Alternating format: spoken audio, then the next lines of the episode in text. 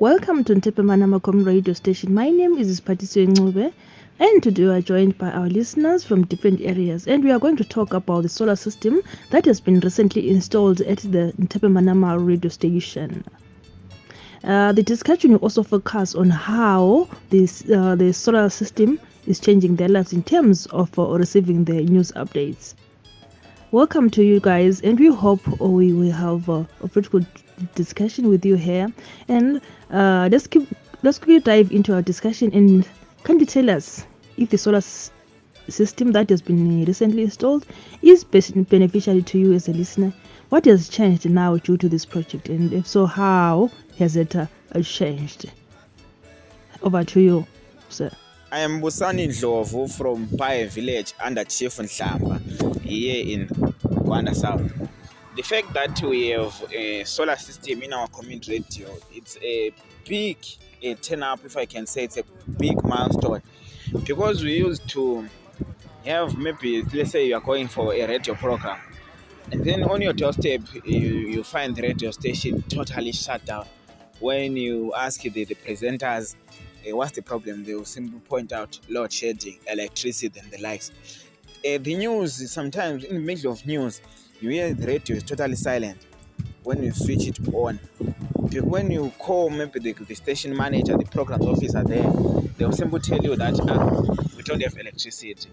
So for us as listeners, I think eh, to have that solar system to go and big milestone. Currently, we could have full news, like full coverage, everything. There are no hiccups. There will be no hiccups from their daily operations. Then as uh, we are content and we are happy about the milestone that is happening there in Manama, in Tepe Manama Community Radio. Uh, we are happy because now we can get all the information at a specific given time without any problem. Electricity and the load shedding. This solar system will go a mile to for us to get uh, content on the very very same time. Good day and thank you so much, Team Tepe Manama Community Radio.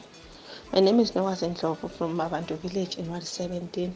I'd like to appreciate your efforts to raise our concerns about the inconsistency of our radio station, which now yielded good fruits as we now have a solar power backup system.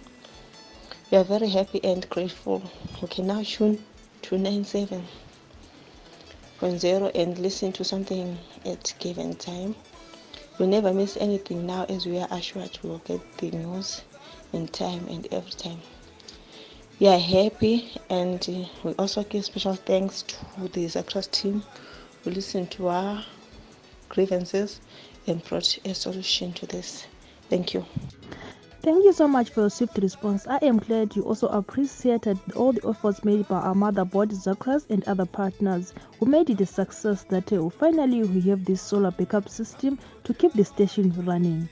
I hope they will continue supporting us and as we try to bridge the information gap in rural communities. Thank you so much. And speaking is Patisiwe Ncube from Tepe Manamakom radio station.